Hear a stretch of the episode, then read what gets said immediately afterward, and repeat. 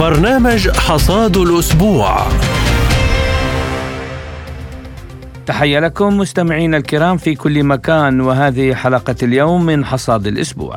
نقدمها لكم من استديوهاتنا في موسكو أنا نغم كباس. وأنا محمد جمعة والبداية بأبرز العناوين. استمرار عمليات الإنقاذ في سوريا وتركيا بعد الزلزال المدمر. دبابات بريطانية في طريقها إلى كييف. واشنطن تهدد بكين في حال دعمها روسيا.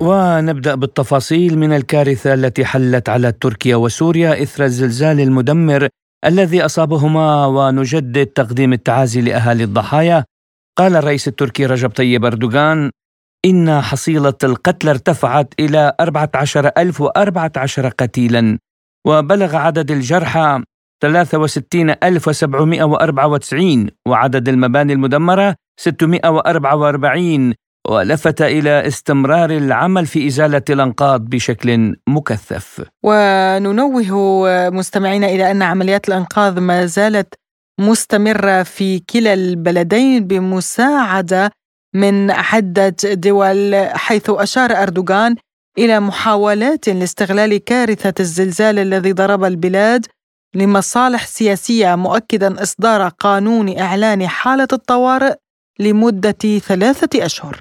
وتحدث مواطن تركي لسبوتنيك عن معاناته قائلا. وقعت أول هزة أرضية في الليل عندنا طفل رضيع اعتقدت أنه قد يمرض بسبب البرد الشديد في الشارع. لذا قررنا البقاء في الشقة. بعد فترة وجيزة وقعت ثاني هزة أرضية قوية واضطررنا للخروج إلى الشارع. وبالتحديد إلى المسجد.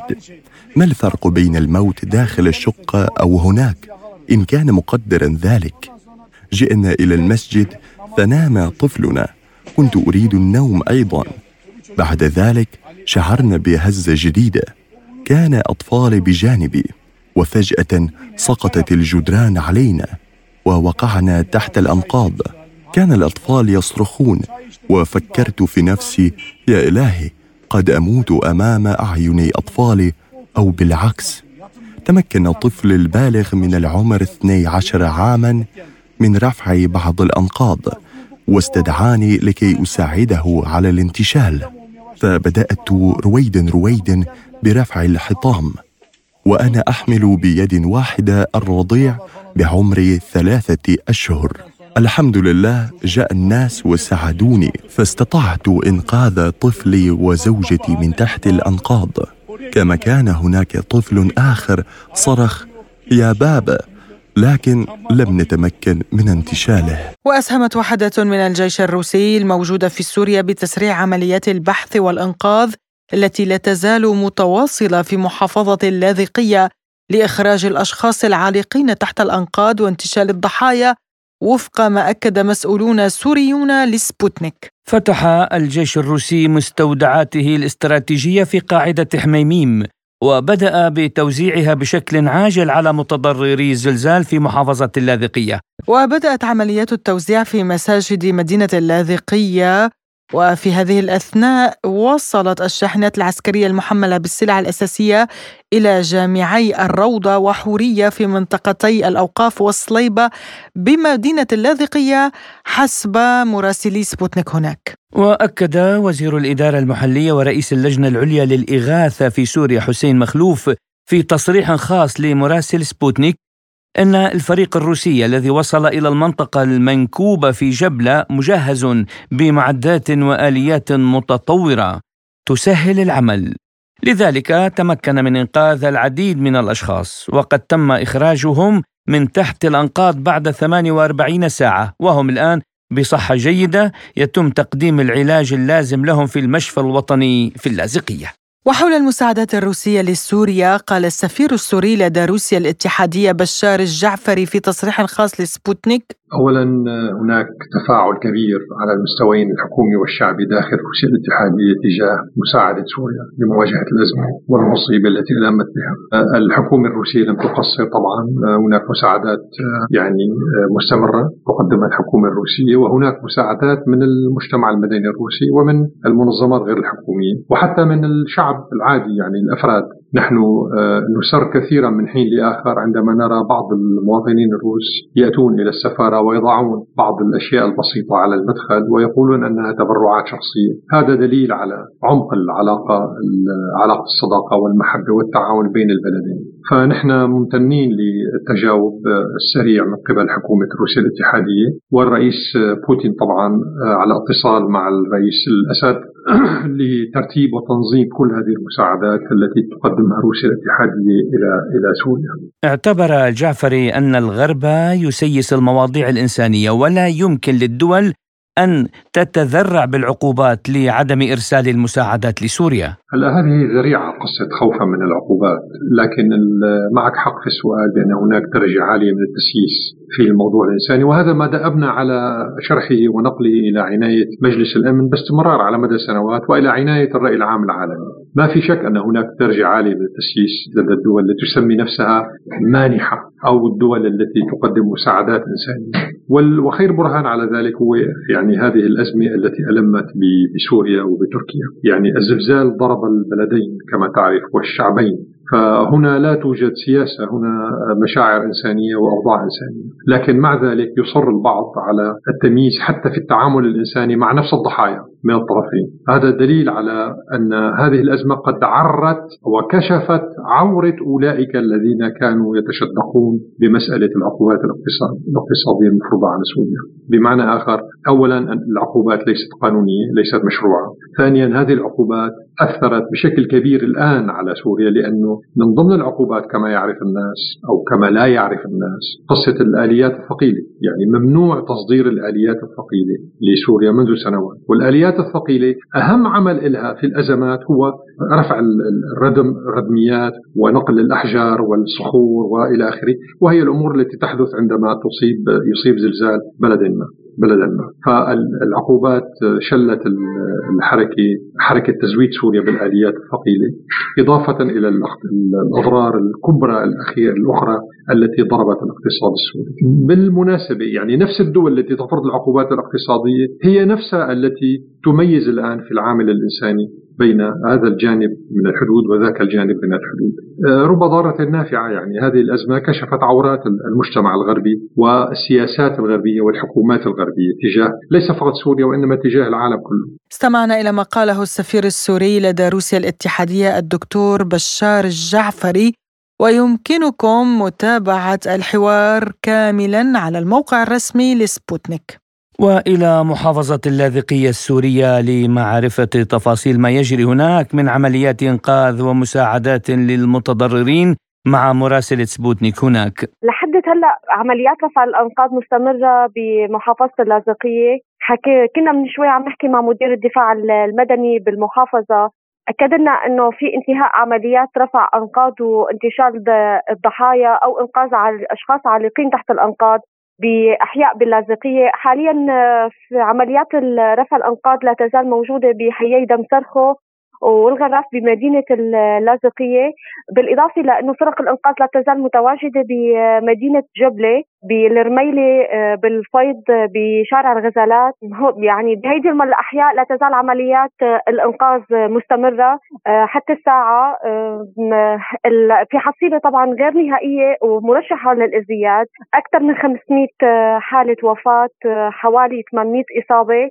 المصابين حالتهم يعني متفاوتة. بالنسبة ل آه، الفرق الأنقاذ في المجتمع الأهلي بالإضافة لفرق آه، عناصر الدفاع المدني الأطفاء الصحة آه، في استنفار لجميع الدوائر الخدمية اللي موجودة بالمحافظة ومعنويات السكان. هلأ أستاذ أغلبية السكان هون لسه بعضهم عايشين حالة الصدمة. صدمة إنه هن في أشخاص خسوا أحبة في عائلات كاملة راحت تحت عائلات يعني في اللي فقد حدا من أفراد عائلته في اللي فقد أقارب اللي فقد أصدقاء. يعني ما فيك تقول في أسرة تقريبا بمدينة جبلي خاصة إلا ما كان لها مف... إلى خسرت بهذا الزلزال. أحد من أفراد أو اسرتها أو حدا من اصدقائها أو اقاربها أغلبية الأهالي آه، اللي له أماكن آه، أقارب مثلا بمدينه بالأرياف آه، طلع الأرياف اللي ما عنده حدا راح على مراكز الإيواء المؤقتة اللي أوجدتها المحافظة. مراكز الإيواء تم تجهيز أكثر من 11 مركز إيواء بالإضافة لفنادق بالإضافة للمجتمع المحلي اللي فتح بيوته واستقبل الأهالي. سواء بمدينة جبلة أو حتى بالأرياف مراكز الإيواء آه، طبعا موجود فيها العائلات المتضررة اللي خسرت منازلها آه، نتيجة الزلزال. بالإضافة للعائلات اللي خرجت من منازلها بسبب التصدعات اللي صارت بالأبنية. يعني آه، اللي طلعوا من الأبنية اللي شهدت التصدعات حكوا مع لجان كشف السلامة. لجان كشف السلامة حاليا كمان بالمحافظة عم تعمل بالطاقة القصوى لتحديد حالة البناء إمكانية إذا بيقدروا الأهالي اللي طلعوا منها يرجعوا لها.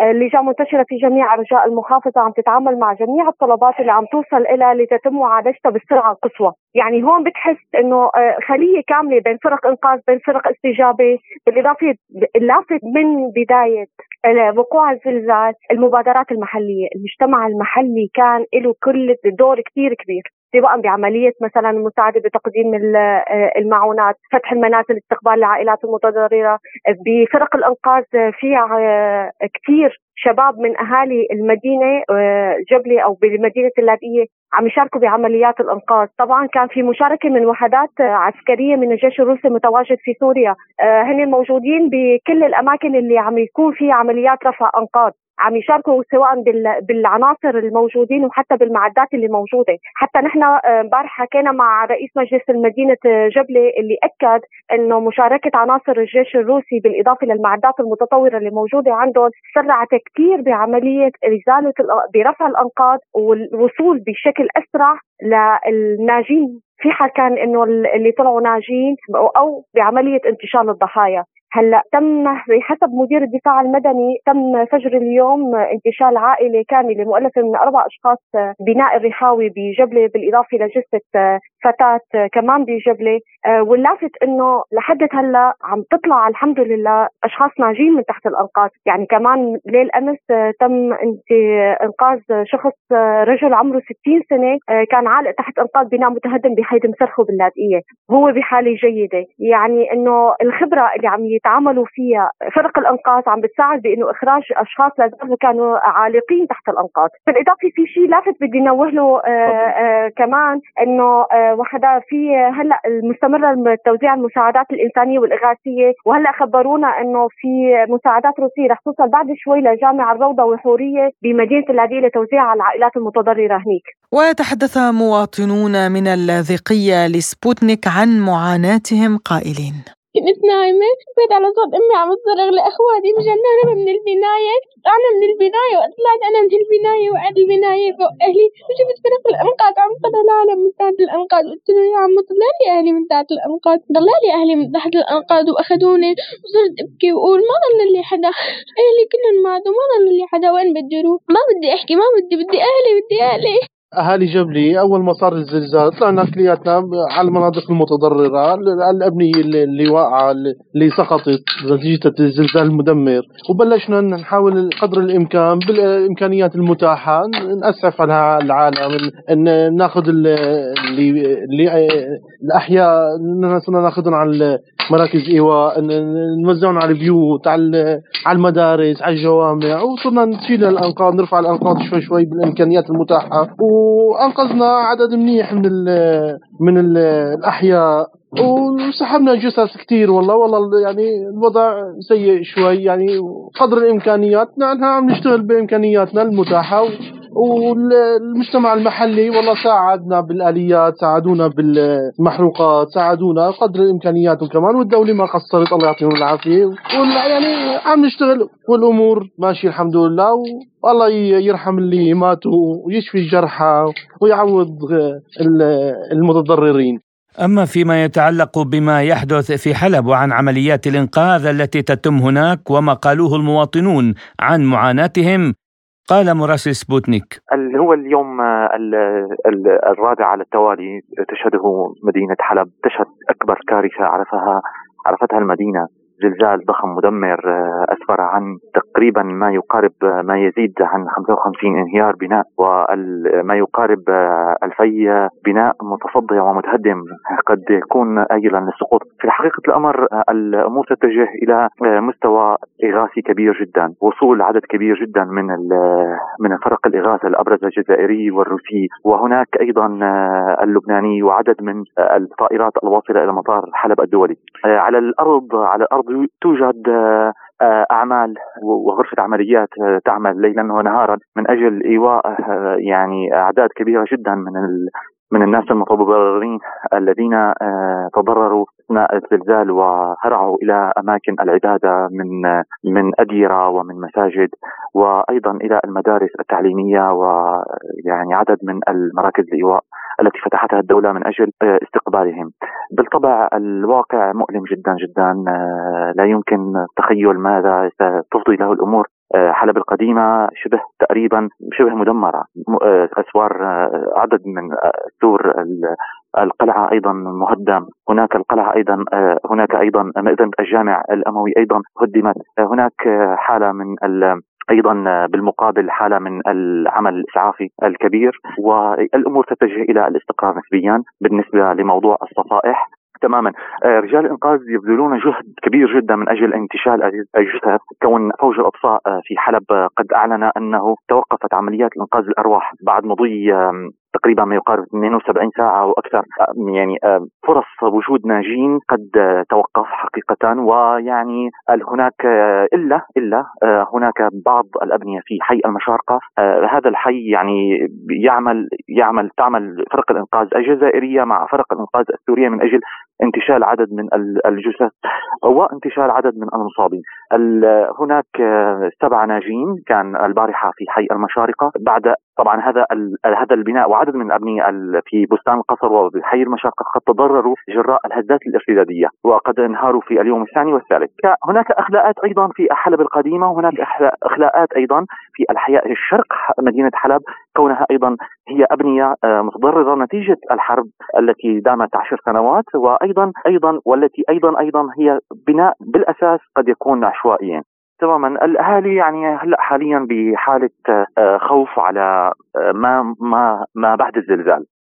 ما بعد الزلزال آه، هناك عدة تحديات، التحدي الأول عدم وجود مأوى، فقدوا المأوى، ما في بيوت، ما في ما في حالة اجتماعية صحيحة، الجميع موجود بمراكز استقبلتهم، يلزمهم طبعا ما بعد كارثة في صار في تحديات العيش تحديات هلا هني قصة قصه المساعدة أكبر يعني رح يعني هن بحاجة أيضا المساعدة أكبر آه، مش بس يعني آه، الماء والطعام أو الغذاء لكن بحاجة إنه الاستقرار يعني الاستقرار آه، اللجان السلام العامي بالمقابل تسعى جاهدة من أجل تقييم مدينة حلب كبيرة جدا بحاجة لتقييم يعني بدهم وقت كبير جدا من أجل تقييم كل الأبنية اللي بحلب. فهذا يحتاج إلى وقت طويل. هل هناك هاي هون التساؤل الكبير جدا؟ هل نعود إلى منازلنا أم يجب أن نتوقف؟ أو يجب أن نقيم؟ هناك حالة عدم استقرار فقط في موضوع العيش داخل المنازل أو أن يبقوا في مراكز إيواء لهم خصصتهم له الدولة مراسل سبوتنيك في حلب أجرى لقاءات مع الأهالي والمنقذين هناك. فلنستمع إلى ما قالوه السلام المنذر أهلا وسهلا فيك أهلا وسهلا فيك. كيف كمخاطره تعاملتوا مع الأول جدا والله تعاملتوا مع الموضوع؟ والله نحن مباشرة من وقت ما صارت الهزة نزلنا على الشوارع وصرنا نتواصل مع المواطنين ومع أعضاء لجان الحي. صار أعضاء لجان الحي متوزعة بكل الشوارع يعني كل شوي نتصل فيهم وين في أضرار وين في هذا نتابعه ونتصل. خبرنا القطاع خبرنا البلدية خبرنا الشرطة خبرنا شغله الحزب قياداتنا كلها حطيناها بالصورة. وقت اللي هون جيت لقيتها لسه على طيب جديد خبروني عليها. تواجدت فورا اتصلت كمان بالأجهزة المعنية وعلى الفور بادروا فورا لاستنفار كامل. بستان القصر تابعه ل كم حي تابع لبستان القصر؟ بستان القصر تابع لارض سابا، أرض البديرية، تابع لمساكن التربية، تابع لمنطقه جامع القصر.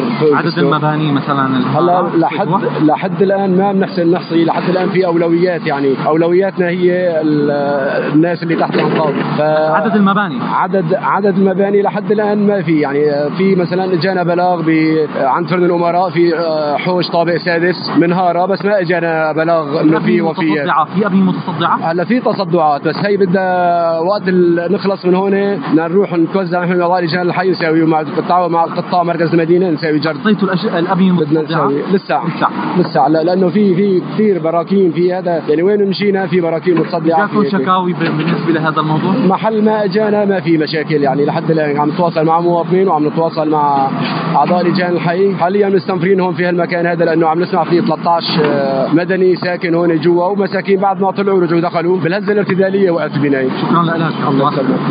اسم؟ اسمك شو الاسم؟ أحمد كرجل. أحمد؟ كرجل. كرجل. أحمد بالضبط شو صار؟ صار الزلزال بعدها؟ بعدها طبت فيناي فورا؟ لا. لا بعد نص ساعة. بعد نص ساعة؟ صار زلزالين كبار. البناية فرقت طلعنا على البيت رجعنا نزلنا. ما في نص ساعة صار زلزال خفيف. هو صار خفيف طبت البناية في حدا جوا من ال 11 شخص 11 شخص في عندي قرايبيني كمان اثنين. أحمد. أهلا وسهلا فيك. شو مؤكد 11 11 11 عندهم. يعني في اثنين عندنا كمان قرايبينا هون يعني قرايبينا كمان اثنين هون. بنت بنت وامها بس نحن وقت اللي صارت العالم رجعت لهون. دخلوا على بيوتهم أيوه. بالسبعة وخمسة بالضبط. وقت صار زلزال خفيف. طبت البناية يعني طبت فرشة هيك. يعني في عالم طلعت وعالم ما حتى تطلع. طب هاي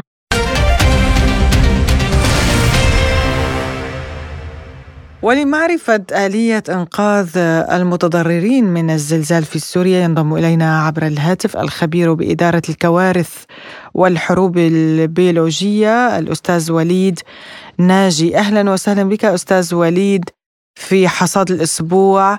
وحبذا يعني لو تضعنا بصورة عمليات الإنقاذ التي تتم اليوم كيفية التصرف بهذه الظروف التي تمر بها سوريا؟ يعطيكم العافية. بالنسبة للعمليات الإنقاذ الظروف اللي نمر فيها ظروف كثير صعبة. نكبة أكثر من نكبة يعني كارثة كثير كبيرة. طبعا بدأت فرق الإنقاذ بانتشار الضحايا تشكل تشكلت فرق في جميع كامل الجمهورية العربية السورية. طبعا تم تخصيص فرق خاصة بانتشال الشهداء الجرحى وفرق خاصة بكيفية فحص التصدع الأبنية والفرقة الفرق الأخرى نجد إغاثة وتأمين المتضررين في أماكن تأويهم من يساعد من يساعد الفرق السورية؟ الفرق السورية يساعدها طبعا طبعا عندنا نحن على الباب فرق خاصة متطوعة وفرق طبعا الجانب الحكومي وفرق خاصة من الجانب الروسي وأيضا فرق خاصة من من جمهورية لبنان الشقيق وأيضا العراق يعني وتتم عملية البحث عن الضحايا بشكل مستمر خلال يعني يعني بصراحة ما يعني ما حدا يعني طيب أستاذ وليد يعني في سؤال حقيقة يفرض نفسه زلزال كبير إلى درجة حوالي 8 درجات يعني وشو هي المعدات الموجودة الآن يعني هل هناك معدات تكنولوجيا كفيلة بإنقاذ الموقف يعني برأيك؟ طبعا نحن يوجد نقص كبير جدا في الآليات في آليات خاصة بانتشال الضحايا انتشال طبعا خاصة أيضا ب بتصدعات يعني كشف التصدعات يعني لا يوجد عندنا يعني كيف عم تتعاملوا مع الموقف؟ الموقف في, يوجد فرق خارج الخطر من دول حليفة مثل من روسيا من إيران. روسيا إيران العراق شقيق نعم. لكم يعني الله يا أهلنا في سوريا. لكن يعني الوضع بصراحة جدا جدا صعب. نحتاج إلى آليات نحتاج إلى آه، فرق خاصة لانتشال الضحايا آه، بفحص الابنيه المتصدعة. نعم يعني أرسلت الدول العربية الجزائر تونس كما ذكرت العراق الجزائر تونس يعني العراق لبنان حاليا في جسر جوي خاص بالسلطة ولكن رغم ذلك أنتم ما زلتم بحاجة إلى فرق أنقاذ أخرى. بحاجة لأنه ما زال لأنه ما زالت يوجد أحياء تحت الانقاض حتى الآن. إن شاء الله إن شاء الله يكون في أحياء إن شاء الله تعالى. لأنه علمنا انه الجيش الروسي آه، أمس 45 آه، آه، شخص يعني طلعهم أحياء. بعد ثلاث أيام. بعد ثلاث أيام. فإذا في ممكن احتمال يعني أمل يوجد أمل. يوجد أمل. ويقولون خبراء أيضا أربعة أيام نادر ما تلاقي إنسان على قيد الحياة الآن. بعد أربعة أيام. يعني هذا الشيء بعلم الله يعني أول شيء. يعني نحن هلا حاليا آه، الخطة الرئيسية انتشال الضحايا. كمرحلة مرحلة أيضا بفحص الأبنية المتصدعة. آه، يوجد أبنية كثيرة كثيرة. إيه، امبارح بحرستا بريف دمشق سقط بناء بعد هزه يعني بقوة 14 يعني سقط البناء. فقط ابني اليوم تكونت داخل العاصمة. طيب آه، شو بتحب توجه عبر سبوتنيك للمنظمات الدولية؟ آه، ما المساعدات التي تحتاجونها على شكل عاجل والعقوبات المفروضة يعني آه، أعاقت وصولها إلى سوريا؟ أعطي لك الكلمة لتطلب يعني ما تريد عبر هواء إذاعة سبوتنيك. المجتمع الدولي النظر في حال كحالات إنسانية نظر في حال الشعب السوري. يعني مناطق يعني منكوبة صحيح. يعني ما ابدا ما يعني الكلام عن الواقع غير الكلام اللي عم يتم عن طريق الإعلام، الواقع صعب نحتاج إلى مساعدات، إلى رفع العقوبات الظالمة على الجمهورية العربية السورية، ما يعني الحمد لله الله. الله يحمي سوريا. يلا تعازينا الحارة لأهل الضحايا ولذويهم. أنا أنا آسف بس أنا آسف جدا بس إلى يعني خلال 48 ساعة متواصل عن الشغل فشوي اشعر بالإرهاق. سلامتكم وقلبنا معكم والله يقويكم و... وأكيد أنتم تعملون ضمن ظروف صعبة جدا وزادت العقوبات. قلة المعدات قلة الأدوية قلة يعني الوقود. الأدوية حتى حتى الاعداد هائلة. هائلة جدا آه، بالنسبة للأبنية المتصدعة. يتم تأمين الناس في مراكز إيواء. الأعداد الابنيه المتصدعة اعداد هائلة جدا جدا جدا. كان الله بعون الجميع آه، كان الله بعون آه، وبعونكم كفرق إنقاذ أكيد يعني. نتمنى أن تصل رسالتنا إلى كل دول العالم. شكرا شكرا جزيلا لك وليد ناجي. الخبير بإدارة الكوارث والحروب البيولوجية. شكرا شكرا. وحول الوضع العام في اللاذقية وسبب هذه الشدة التي أدت إلى كل هذه الأضرار تحدث لسبوتنيك أيضا الدكتور في قسم الجيولوجيا بكلية العلوم في جامعة تشرين أحمد بلال. الزلزال يحدث نتيجة تراكم طاقوي. كتلة صخرية كبيرة تتحرك. هذه الحركة قد تكون ضعيفة أو كبيرة. كلما كانت كبيرة كلما كانت شدة الزلزال شديدة. في المناطق اللي موجودة في سوريا عندنا انهدام كبير. مشهور هو الانهدام السوري الكبير الذي يلتقي في تركيا في منطقة أو في نقطة اسمها مرعش. هذا الانهدام في الحالة العادية طبعا أنا عامل دراسات له منشورة ومبارح من يومين ثلاثة يعني شهر شهر وشوي. أصدرت كتاب من كامبريدج إلي بتأليفي أنا. وحكيت فيه عن الزلزالية في سوريا وفي المنطقة. الزلزالية في سوريا في أشدها لا يمكن أن تتجاوز ست درجات على مقياس رختر بمعنى هذه الشدة حتى لو وصلنا إلى أقصاها لا تؤدي إلى تدمير شديد جدا. إذا كانت الإجراءات المتخذة أثناء الإنشاءات سليمة.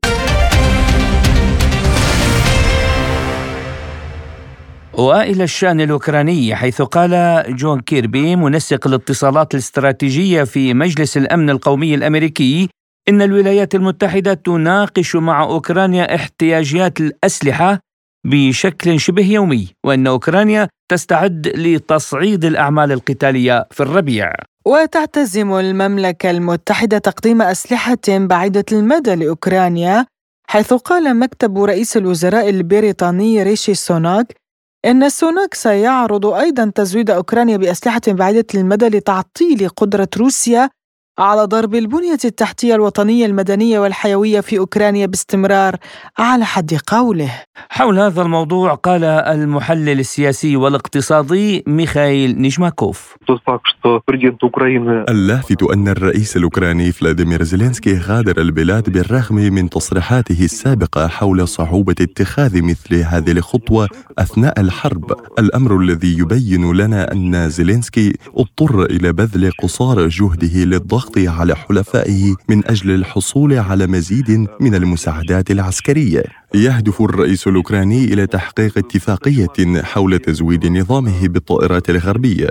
اتضح لنا أن الخطاب الذي أدلى به في البرلمان البريطاني وهو يحمل خوذة طيار حربي أوكراني يأتي في محاوله لحلحلة مسألة المقاتلات. والأجدر أنه ذكر في خطابه رئيس وزراء بريطانيا الأسبق بوريس جونسون مشيدا بدعمه. في حين يعد جونسون في الأوساط السياسية منافسا داخل الحزب الحاكم لريشي سوناك إذ أن الأخير قدم الإيماءات إلى زيلينسكي.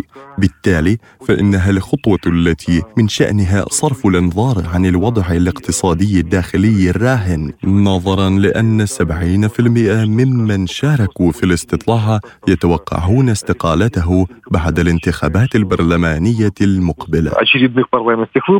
وبدوره أعلن المتحدث باسم الرئاسة الروسية ديمتري بسكوف أن الخط الفاصل بين التدخل المباشر وغير المباشر في الصراع مع روسيا يختفي في أوروبا مشيرا إلى أن البحث في مسألة تسليم الطائرات المقاتلة إلى كييف من قبل لندن ينظر إليه على أنه تورط متزايد لأوروبا في الصراع مع روسيا. وأضاف بيسكوف نحن نعتبر هذا في الواقع ليس سوى تورط متزايد لبريطانيا وألمانيا وفرنسا في الصراع بين روسيا وأوكرانيا. والخط الفاصل بين التدخل المباشر وغير المباشر يتلاشى تدريجيا ليس بالوسع سوى الإعراب عن الأسف في هذا الصدد. ولمناقشة أهداف زيارة زيلينسكي إلى أوروبا نستضيف معنا عبر الهاتف من برلين الخبير بالشؤون الأوروبية أكثم سليمان. أهلا بك أستاذ أكثم في حصد الأسبوع. تحياتي لكم. يعني نبدأ من هذه الجولة التي يقوم بها زيلينسكي إلى أوروبا عده دول اوروبيه برأيك هل غايتها التحشيد لبدء مستوى جديد من الحرب أو التصعيد في في الربيع المقبل؟ أعتقد العنوان الرئيسي لهذه الزيارات هو التجييش من جهة والتسليح من جهة ثانية، التجيش على مستوى الرأي العام. تعرف تحدث أمام البرلمان الأوروبي، تحدث عن وحدة أوروبا وحسب أوكرانيا. كجزء من أوروبا ومن تاريخ أوروبا. في بريطانيا على مستوى التسليح طالب بإعطاء أوكرانيا أجنحة بكلمات أخرى. طائرات عسكرية مقاتلات عسكرية.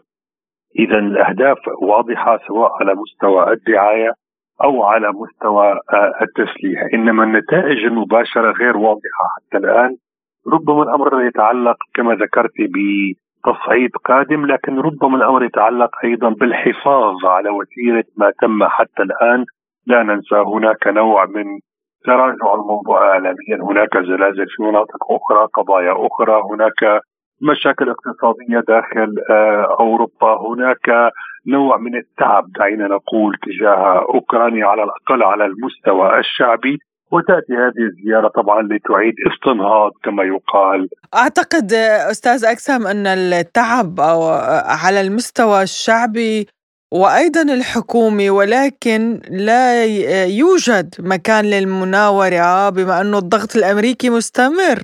صحيح الضغط الأمريكي أساسي ورئيسي في هذا آه، الصدد لكن في نهاية المطاف هناك شعوب هناك انتخابات هناك آه، اضرابات هناك آه، تطورات اقتصادية، البعض لا يميل إلى ربطها مباشرة بالحرب الأوكرانية لكن في حقيقة الأمر هي لها علاقة مباشرة، لماذا؟ عندما يخرج في هذه الأيام مثلا المضربون في ألمانيا أو المحتجون في فرنسا تحمل الأمور عناوين مختلفة كرفع الأجور ك آه، الاعتراض على قانون التقاعد وغير ذلك لكن في خلفية كل هذا آه، يدور السؤال التالي كيف تستطيعون تمويل الحرب في أوكرانيا بكل هذه المليارات؟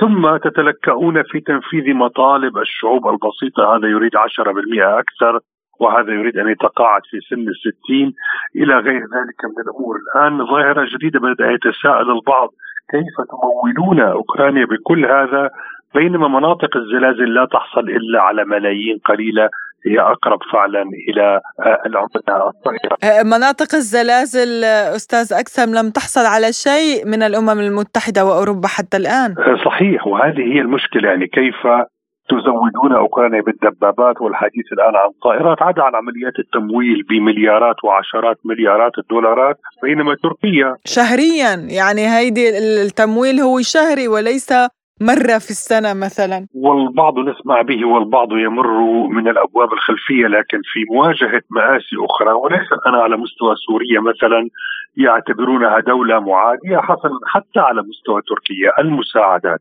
إذا ما قارنتيها بالجهد الذي بذل في دعم أوكرانيا تلاحظين أن لديك تحالف من أجل الحرب وليس تحالف من أجل مكافحة الكوارث الطبيعية. طيب أستاذ اكسم يعني بالقمة الأخيرة اللي جمعت شولز مع ماكرون مع زيلينسكي تم تأكيد أوروبي تأكيد آه، ألماني فرنسي لمساعدة أوكرانيا عسكريا في هذه الحرب حتى النهاية يعني إلى أي مدى الغرب مستعد لهذه المساعدة؟ على الأقل إعلاميا هي هذه الرسالة التي ذكرت محقا الرئيس الفرنسي تحدث حتى عن نصر أوكرانيا آه، المستشار الألماني شولز كان أكثر حذرا وتحدث عن استمرار الدعم ما دام مطلوبا ما دام هناك ما دامت هناك حاجة إليه. لكن إذا كانت أمور بهذا ماذا يعني حاجة إليه؟ ما دام هناك حاجة إليه.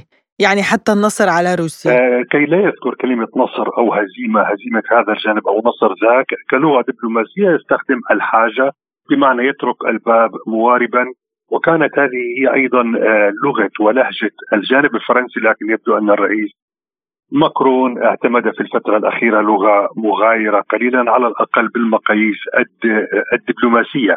لكن إمكانية الاستمرار أو عدم الاستمرار لا تتعلق الآن بالمؤتمرات الصحفية والصور والأخبار آه، في الإعلام. تتعلق بالواقع على الأرض سواء الواقع في ألمانيا أو في فرنسا أو في غيرهما. مرة أخرى اقتصاديا من جهة ولكن أيضا على مستوى الرأي العام الذي يسمع الكثير عما يجب تحقيقه على الجانب الأوكراني لكن لا يرى مثل هذه الأمور وإنما يرى وهو ليس بالتأكيد بأعمى عن هذه الأمور يرى قضايا فساد يرى وزير الدفاع عليه التساؤلات يرى تغييرات في القيادة، اذا الموضوع هو دعينا نقول ظاهره زاهي اللون لكن باطنه فعلا فيه نوع من مقاومة دعينا نقول تيارات بدأ يرتفع صوتها بأن ما نفعله في أوكرانيا لن يجدي شيئا بغض النظر عن وجاهته أو غير وجاهته طيب من أين جاءت هذه الثقة الكبيرة لماكرون إلى أن يقول أن روسيا لن تقدر على الفوز بالحرب ويجب ألا يحدث ذلك على الإطلاق وأوكرانيا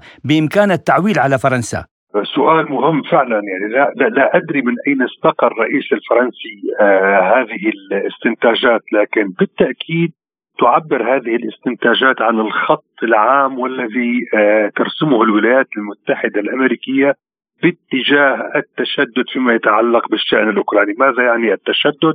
يعني الحيلولة دون حدوث المفاوضات وهدوء الجبهة والوصول إلى حل ما باعتبار أن الاستمرار في المعونات باعتبار أن الاستمرار في الدعم المالي والعسكري والإعلامي وغير ذلك قد يأتي بفرصة أفضل آه، سانحة أفضل للوصول إلى حلول أفضل من وجهة نظر آه، الغرب، طبعا لا يوجد مؤشرات على الأرض على وجود مثل هذه الفرص، لكن تلك هي الاستراتيجية المتبعة حتى الآن. فعليا هي ليست دعم اوكرانيا هي منع أي تواصل أوكراني روسي منع أي سيناريوهات للحل الإبقاء على الحال كما هو عليه وبالتالي كما وصف كثيرون هذا الأمر متابعة الحرب حتى آخر أوكرانيا. يعني حتى أنه آه، اليوم بيسكوف آه، أعتذر بيسكوف المتحدث باسم الرئاسة الروسية قال بأنه الخط الفاصل بين التدخل المباشر وغير المباشر في الصراع مع روسيا بين آه، أوروبا يختفي يعني أوروبا تدخل بشكل مباشر وأن تسليم طائرات مقاتلة إلى كييف يعني إعلان حرب مباشرة على روسيا ألا يتخوف الأوروبيون من خوض حرب مباشرة أكيد يتخوفون وخاصة في ظل أوضاع الجيوش الأوروبية المعروفة ومنها الفرنسي ومنها الألماني ومنها البريطاني لا تسمعين إلا اخبارا عن نقص هذه المعدات أو تلك أو نقص التدريب أو نقص الخبرة أو غير ذلك. هم اعتادوا على مهاجمه دول كالعراق أو آه، ليبيا أو غيرها من الدول الضعيفة يجب القول مقارنة بالقوة الأوروبية والأمريكية لكن ليس في مواجهة روسيا. إنما آه، بعيدا عن كل هذه آه، التفاصيل يحاول الأوروبيون ما زالوا يحاولون بنجاح دعينا نقول متوسط التركيز على قضية أن الأمر لا يجوز أن يصل إلى مواجهة مع حلف الناتو، ويحاول الجانب الروسي أن يفهم الأوروبيين مرة بعد أخرى أنكم تقتربون من المواجهة الشاملة سواء أردتم أم لم آه، تريدوا ذلك على الأقل في ظل السياسات الأمريكية. وهناك دراسات حتى بالمناسبة داخل ألمانيا هناك قسم الأبحاث في البرلمان الألماني عندما تمت استشارته هذا القسم المعني الأكاديمي الفني بموضوع السلاح كانت كانت التقييمات أن تقديم السلاح بحد ذاته بيع السلاح ليس مشاركة بالحرب لكن تدريب الجنود آه، على هذا الأمر آه، يعني مشاركة آه، مباشرة أو يمكن أن يعني مشاركة مباشرة وكما تعلمين الآن آلاف الجنود الأوكران موجودون في عدة دول اوروبيه منها طبعا ألمانيا القاعدة العسكرية الأمريكية. نعم من أجل التدريب والروس أيضا يعلمون ويلتقون يعني أثناء العمليات في دنباس بمرتزقة من كافة دول العالم الغربي. أيضا هنا سؤال يخطر الآن في بالي هو عن السيل الشمالي. تعلم بأنه تم اتهام بايدن وواشنطن باتخاذ قرار تفجير السيل الشمالي. ألن يضيق الخناق ذلك عن أمريكا؟ إدانتها بهذا الموضوع يعني قطع الغاز الروسي عن أوروبا عمدا. يعني بداية دعيني أمازحك بالتأكيد لم يفاجئك الأمر لكن ربما للرأي العام الأمريكي أن يخرج سيمور هيرش الصحفي المعروف بتحقيق كهذا أكيد أمر له أهميته. إنما هناك استراتيجيات إعلامية للتعامل مع مثل هذه الفضائح. دعينا نسميها آه، استراتيجية القردة الثلاث.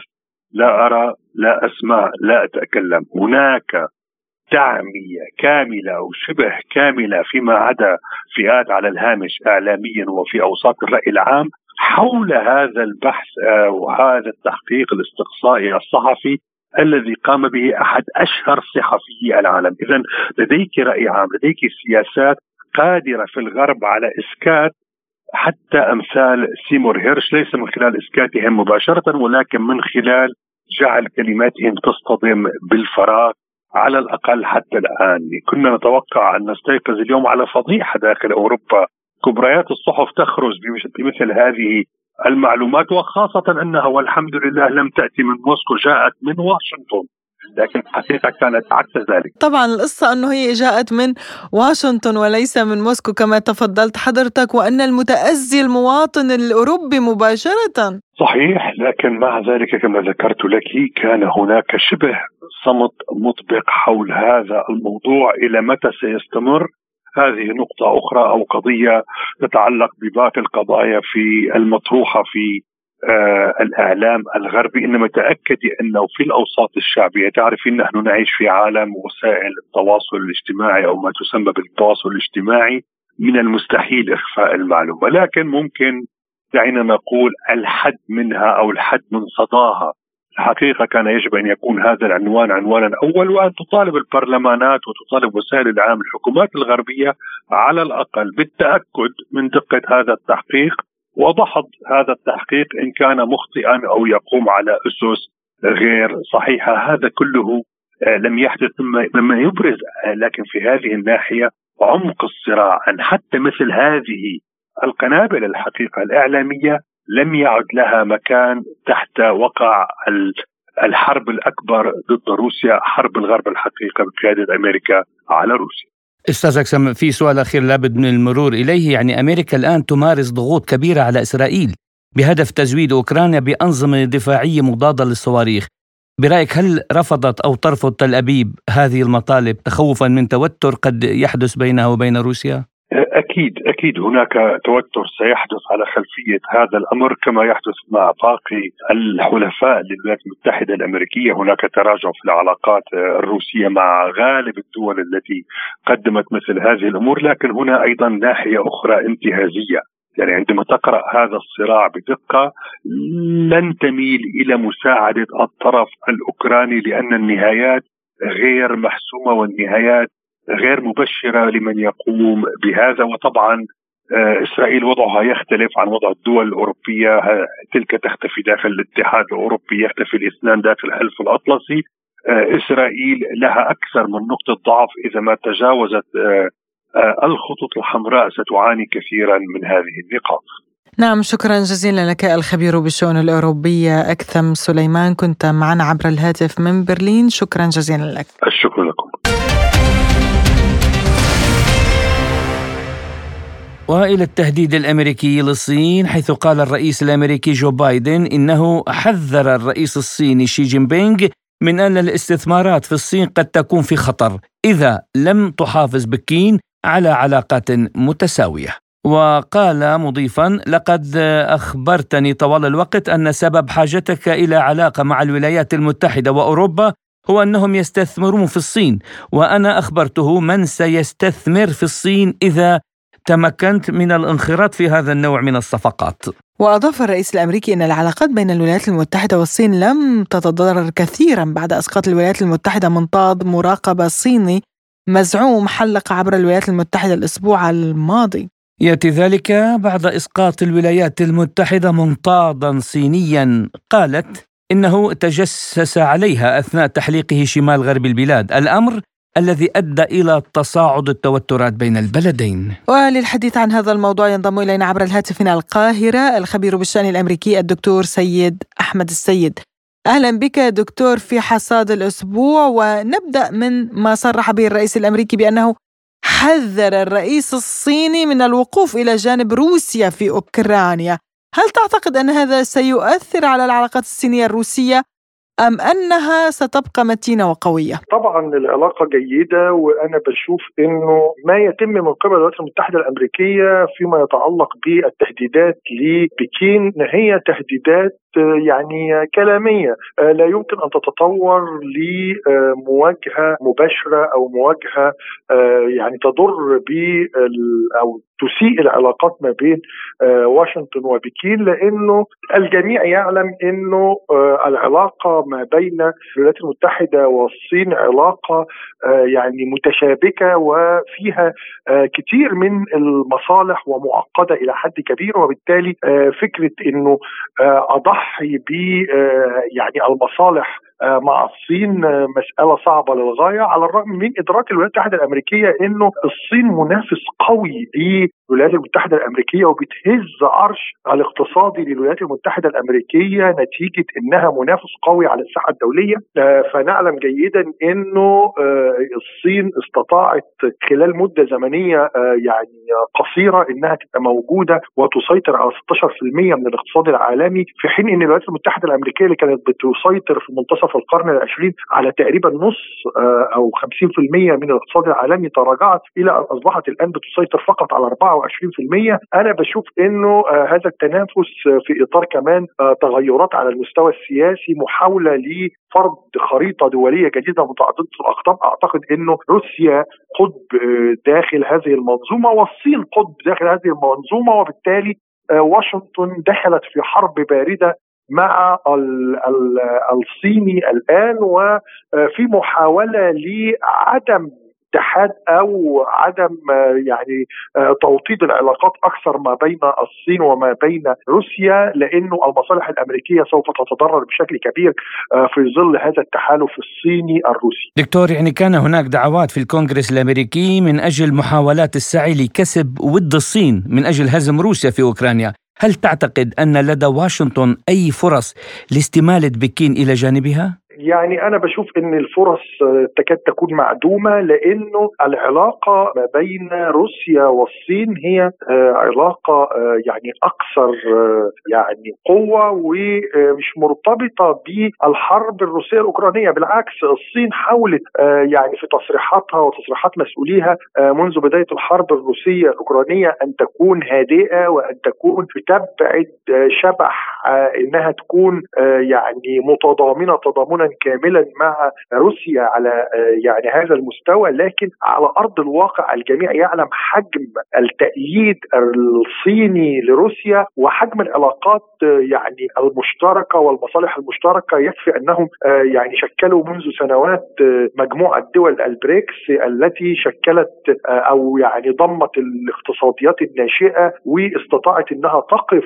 في وجه الاقتصاد الرأسمالي الغربي بشكل كبير وقدرت إنها تسيطر هذه الاقتصاديات الناشئة على 40% من الاقتصاد العالمي وده كان يعني في ظل حتى أزمة مالية عالمية في 2008 و2009 وكانت الولايات المتحدة الأمريكية يعني في مأزق شديد. الولايات المتحدة الأمريكية تحاول تحييد الصين. طبعا تحاول تحييد الصين لأن يعني التحالف الصيني الروسي يهدد عرش الولايات المتحدة الأمريكية. لكن الولايات المتحدة الأمريكية وبعض المسؤولين في الولايات المتحدة الأمريكية يحاولون التقارب مع الصين لكن الحدث الأخير حدث المنطاد والاتهامات التي وجهت للصين في محاولة ل يعني تهديد الصين أو محاولة لجر الصين بعيدا عن روسيا في الحرب التي تدور الآن ما بين حلف شمال الأطلسي اللي بتقوده الولايات المتحدة الأمريكية ضد روسيا على الأرض الأوكرانية. طيب الرئيس الأمريكي أيضا هدد بفرض عقوبات جديدة على الصين تطال الاستثمار، هل تتوقع أن الصين تخشى من هذه التهديدات أو أن اقتصادها قوي ولن يتأثر. يعني أنا أعتقد إنه يعني يعني هذه تهديدات كلامية فقط هذه تهديدات لا يمكن أن تؤثر على الاقتصاد الصيني. نعلم جيدا أن الصين دلوقتي واحدة من كبريات الاقتصاديات العالمية. إلى جانب منافس قوي للولايات المتحدة الأمريكية في فتح أسواق حول العالم. يعني يعني السوق العالمي مفتوح أمام الاستثمارات الصينية بشكل كبير. الصين استطاعت إنها تتواجد في مساحات حتى عجزت الولايات المتحدة الأمريكية على الوجود فيها مثل مثل يعني العمل في مجال التكنولوجي. والتقني يعني شايفين خاصية ال 4 جي الولايات المتحدة وال 5 جي الولايات المتحدة بتسيطر الآن على 17% في حين إن 38% بتسيطر عليها الصين. شركة هواوي وشقيقتها بتسيطر على جزء كبير من هذا السوق. في حين هناك تراجع للامريكان على هذا المستوى. ليس فقط كده لكن حتى الأسواق نجد الصين تفتح أسواق جديدة كل يوم حول العالم آخرها في الشرق الأوسط وفي أفريقيا. في حين إنه الولايات المتحدة الأمريكية بينكمش دورها إلى حد كبير. الصين والاقتصاد الصيني استطاع إنه يغزو حتى الولايات المتحدة الأمريكية والولايات المتحدة الأمريكية مديونة الآن بمديونيات كبيرة جدا بالتريليونات الدولارات للصين وبالتالي أنا بشوف إنه الحديث عن عقوبات اقتصادية يمكن أن توقف الصين أو يعني تلوي ذراع الصين أنا أعتقد إنه ده صعب جدا بالنسبة لدولة بحجم الصين وبحجم اقتصادها في السوق العالمي. الخبير بالشأن الأمريكي الدكتور سيد أحمد السيد شكرا لكم.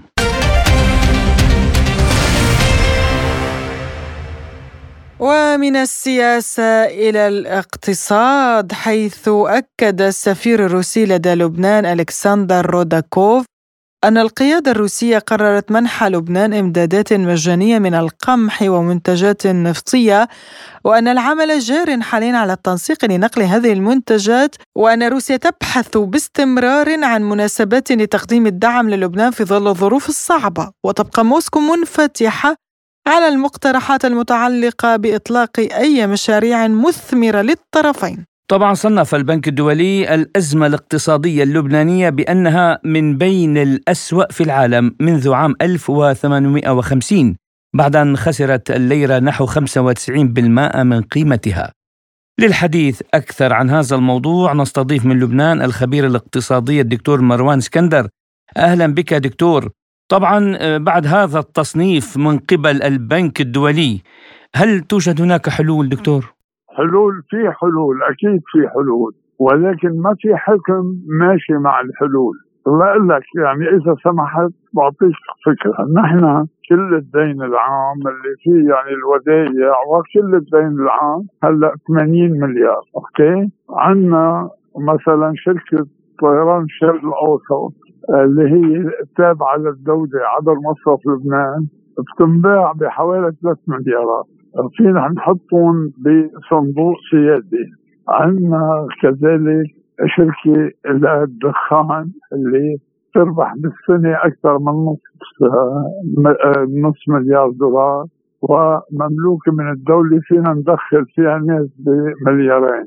في فينا نحرش أشياء من هالنوع لحتى نغطي نص الدين العام وإذا غطينا نص الدين العام لأنه ليك في جزء من الدين العام هو بسندات أجنبية اللي بسموها اليورو بون اللي هن بشكلوا 35% من الدين العام. هذا بينحلوا بالمفاوضة وفي كثير من هالبلدان اللي بتعرفها ومنهم السويد حلوا هيك أمور بالمفاوضة. فإنه في مجال إيه بس الحكومة ما عم تتصرف بشكل إيجابي وببرنامج واضح. هذا اللي نحن فيه. لذلك إذا ما تحركت الحكومة هي ما رح نقدر نمشي. هلأ في خبر اليوم ما بعرف كان صحيح أو لا إنه روسيا مستعدة تعطينا مشتقات نفطية نعم يعني دكتور هكذا هو الخبر وهو صحيح أن روسيا الآن مهتمة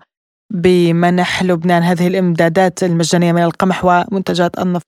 كيف استقبلت الأوساط اللبنانية هذه المبادرة الروسية؟ منتجات النفط واحدة. إذا أجتنا تبتدي الحل بالتأكيد. والقمح كذلك مهم لكن المنتجات النفطية عادة بتكلفنا 30% من كل أكلات استيرادنا بس اللي بدنا إياه يا سيدي لأنه في خبر ثاني اليوم بجريده الشرق الأوسط إنه بالنتيجة واحد أمريكاني كاشف إنه تفجير أنابيب الغاز الممتدة من روسيا إلى أوروبا قامت فيه فرقة أمريكانية بأمر من الرئيس الأمريكي.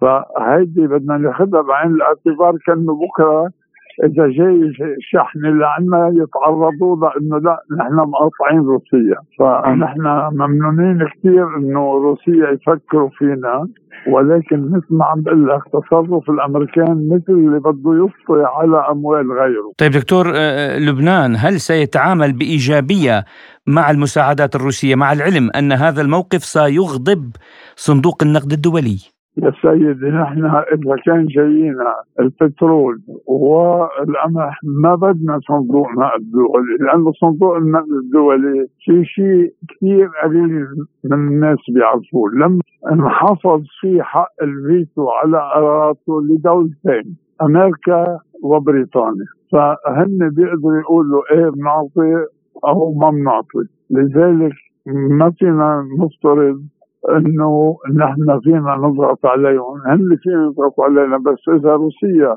أرادت فيها توصل لنا مشتقات بالتأكيد رغم الموقف الأمريكاني لأنه عم بيصير عليه انتقادات أساسا. بلدان حتى بلدان بأوروبا اللي عم يشكوا من ارتفاع أسعار الغاز مثلا. مثل المانيا اللي ما عم بيخلوا لهم يوصل غاز. كيف كيف تمنع الغاز عن بلد صناعي مثل ألمانيا؟ وما تعتبر إنه الألمان بيعتبروا إنه تضرروا. ففي موجة من الاحتجاجات على آه، المواقف الأمريكية. وفي كمان أنه هذا الزلمة بايدن عم يظهر إنه صحته مش منيحة كمان. وهذه الصورة اللي نحن فيها يعني آه، الانفتاح الروسي على مساعدتنا هذا بداية حل عظيمة عسى خير من لبنان الخبير الاقتصادي الدكتور مروان اسكندر كنت معنا ضيفا كريما شكرا لكم بهذا نصل وإياكم مستمعينا إلى ختام حلقة هذا الأسبوع من برنامج حصاد الأسبوع. قدمناها لكم من استديوهاتنا في موسكو أنا نغم كباس. وأنا محمد جمعة. للمزيد من المتابعة زوروا موقعنا الإلكتروني. سبوتنيك dot AE وأيضا قناتنا على تيليجرام.